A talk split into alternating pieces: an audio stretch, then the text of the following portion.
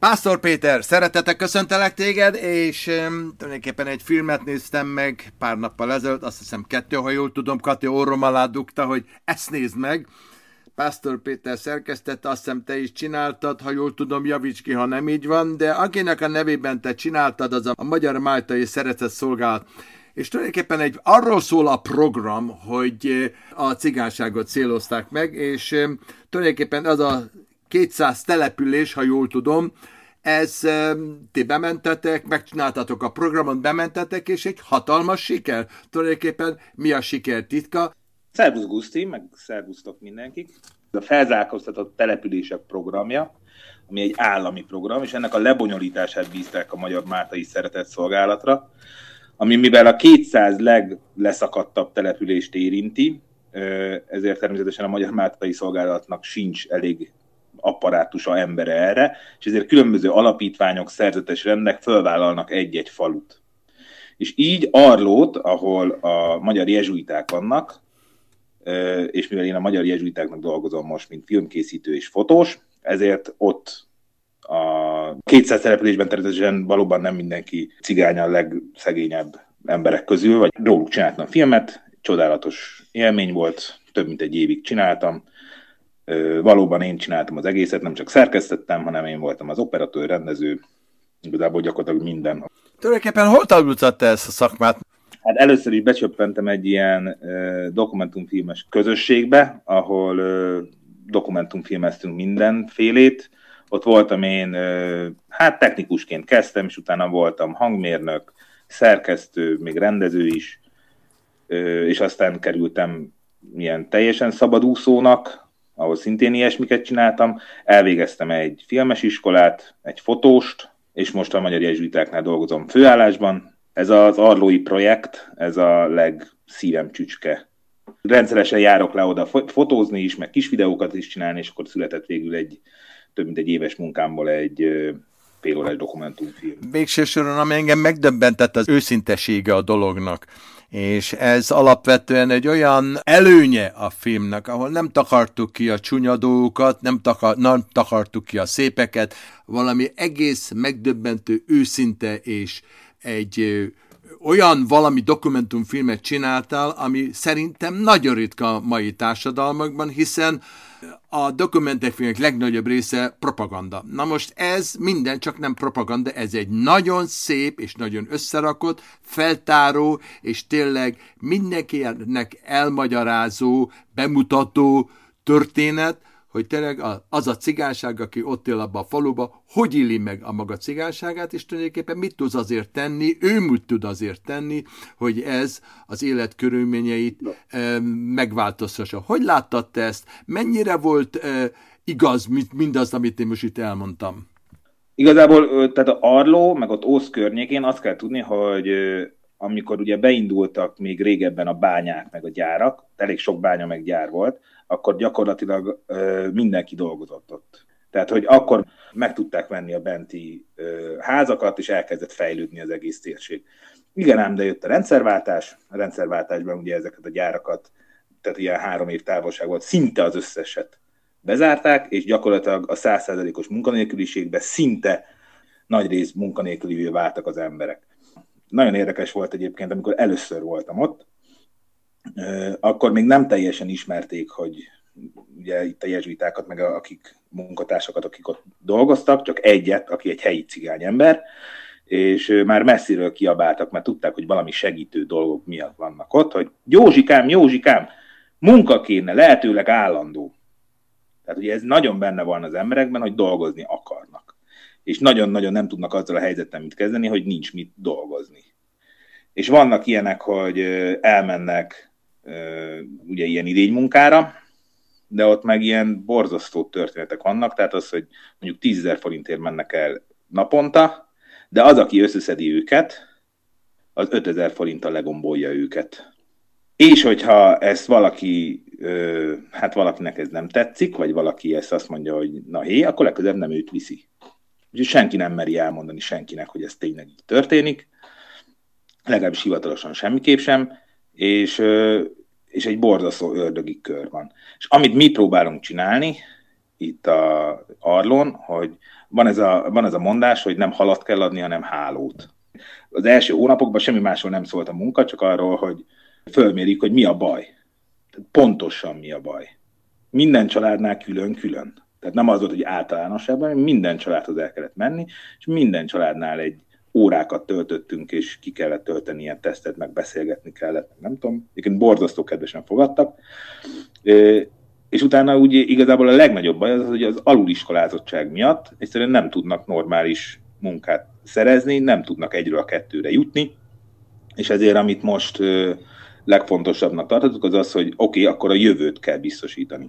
A jövő pedig az az, hogy mind közösségileg, mind tudásilag meg kell erősíteni a gyerekeket.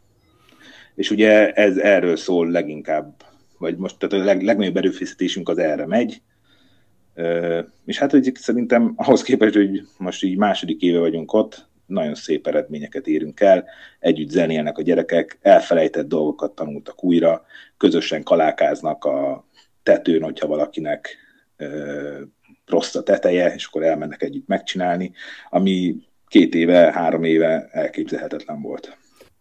A cigányság fölfedezte önmagát. Na most ebből, hogy fölfedezte önmagát, tulajdonképpen önbizalmat szerzett. Viszont az önbizalom tovább csak akkor megy, hogyha ha mindig van munkájuk. Na de viszont élet az ad dolgokat, hogy mit tudom, elveszted a munkádat, a gyár bezár, mindenhogy gyár, ósz bezárt akkoriban, és ugyanakkor munkát kell magadnak teremteni. Hogyan tudsz magadnak munkát teremteni? Ezt hogy értétek el?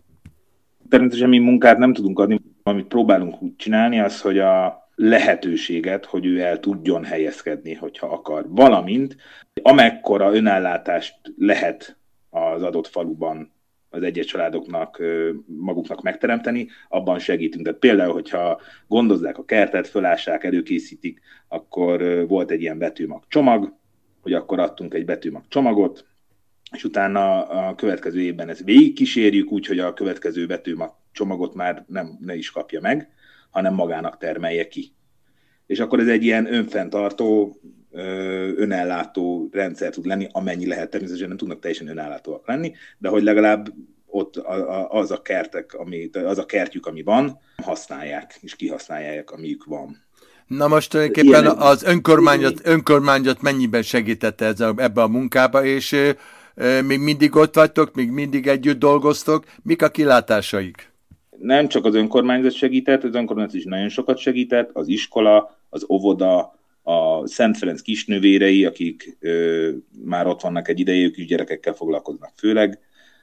Olyan mértékű mély szegénység van ott, amit így el sem lehet képzelni egyébként így egy, nem tudom, pár kilométer távolságról körülbelül. Úgyhogy ez egyről a kettőről nem fog megoldódni. Mondom, amit tudunk, az az, hogy ezekkel a szervezetekkel, a orvosokkal, védőnökkel összedolgozva meg hát ugye a Mátai Szeretett Szolgálattal, aki nagyon sok, ugye az ő égisze alatt fut ez az egész, nagyon sok mindent tudunk előre mozdítani, de hogy igazából mi lehetőségeket tudunk leginkább teremteni. Tehát például, hogyha bejön valaki egyébként, és azt mondja, hogy hát kéne neki egy önéletrajz, hogy beadja egy munkához. Akkor nem az van, hogy megírjuk, megírjuk neki az önéletrajzot, hanem gyere, ülj le ide, itt a laptop, írjuk. És akkor ő csinál mindent, csak valaki ott van és mentorkodik mellette, segíti, hogyha ezt hogy kell megcsinálni. Hihetetlen érdekes történet. Nyilván ennek volt előzménye, mert az elmúlt századokban, elmúlt több tíz évben erre nyilván volt precedens, hogy megpróbálták a cigányságot kibillenteni ebből az állapotból, és aztán természetesen sajnos a visszaesések, sajnos a különböző geopolitikai dolgok, recesszió és minden egyéb, a gyárak bezárása, mint ahogy te mondtad, ez megtörtént, és akkor végső soron eh, kedvét szegi, vagy inkább nem találja föl magát, hogy hogy is, hiszen nem tanulta meg a mi voltját, hogy hogy teremtsen önmagának munkát. Ez egyébként az egyik legnagyobb uh, probléma, és ami, ami nagyon jó volt, és nagyon jól kijött a filmedből, hogy ezt az őszintességet, ezt a valamit, ezt e, e, tényleg nagyon ki lehetett érezni. E, tudatosan csináltátok ezt, vagy ez teljesen véletlenül alakult így, amit én láttam és én hallottam? Az az igazság, hogy mondom, én ezen több mint egy évet dolgoztam, rendszeresen jártam oda, engem ismernek ott, szeretnek, köszönnek, úgyhogy az, amikor nekem nyilatkoznak, akkor, akkor ez egy ilyen olyan őszinte, majd, hogy nem baráti beszélgetésként mondják el nekem, hogy persze ott a kamera, úgyhogy ez nem, akkor tudják, hogy ez más, de hogy akkor is egy olyan őszinteséggel tudnak megnyílni, hogy ott nekem nem játszanak, hanem, hanem tudom, hogy ezek ők, hogy ez tényleg ez van. Igen, voltak mindenféle próbálkozások már a felszálkoztatásra, sok segélyezés volt, meg nem tudom, de hogy itt nem az a cél, hogy segélyezzünk, hanem az, hogy megtanítsuk, hogy meg tudják oldani. Igen. Figyelj ide, óriási dolog, és ami engem nagyon tetszik, hogy tulajdonképpen ebben benne, a vallás, benne van a jezsülták, benne, vannak, benne van a Máltai Szolgált, és ez két olyan szervezet, ami alapvetően hosszú évszázadoknak a földgyüllemlett tudása van mögöttük, úgyhogy, és akkor jön egy ilyen ifjú titán, mint jó magad. Pásztor Péter, filmrendező, operatőr és mindenes, nagyon-nagyon szépen köszönöm neked, és ha nem bánod, akkor egy hat hónapon belül azért visszahívlak téged, és rákérdezek, hogy tulajdonképpen hol tart a program, mennyire sikeres, vagy ez a program is, mint minden más program, amit a múltban el, el, elindítottak, valahol valamilyen utómódon elakadt a sárba. Hát reméljük nem így lesz, reméljük nem is hat hónap múlva, hanem ha hat év múlva beszélünk újra, akkor pláne nagyon szép eredményekről tudunk beszélgetni. Ez viszont nagyon jó. Isten áldja meg, hálás köszönetem!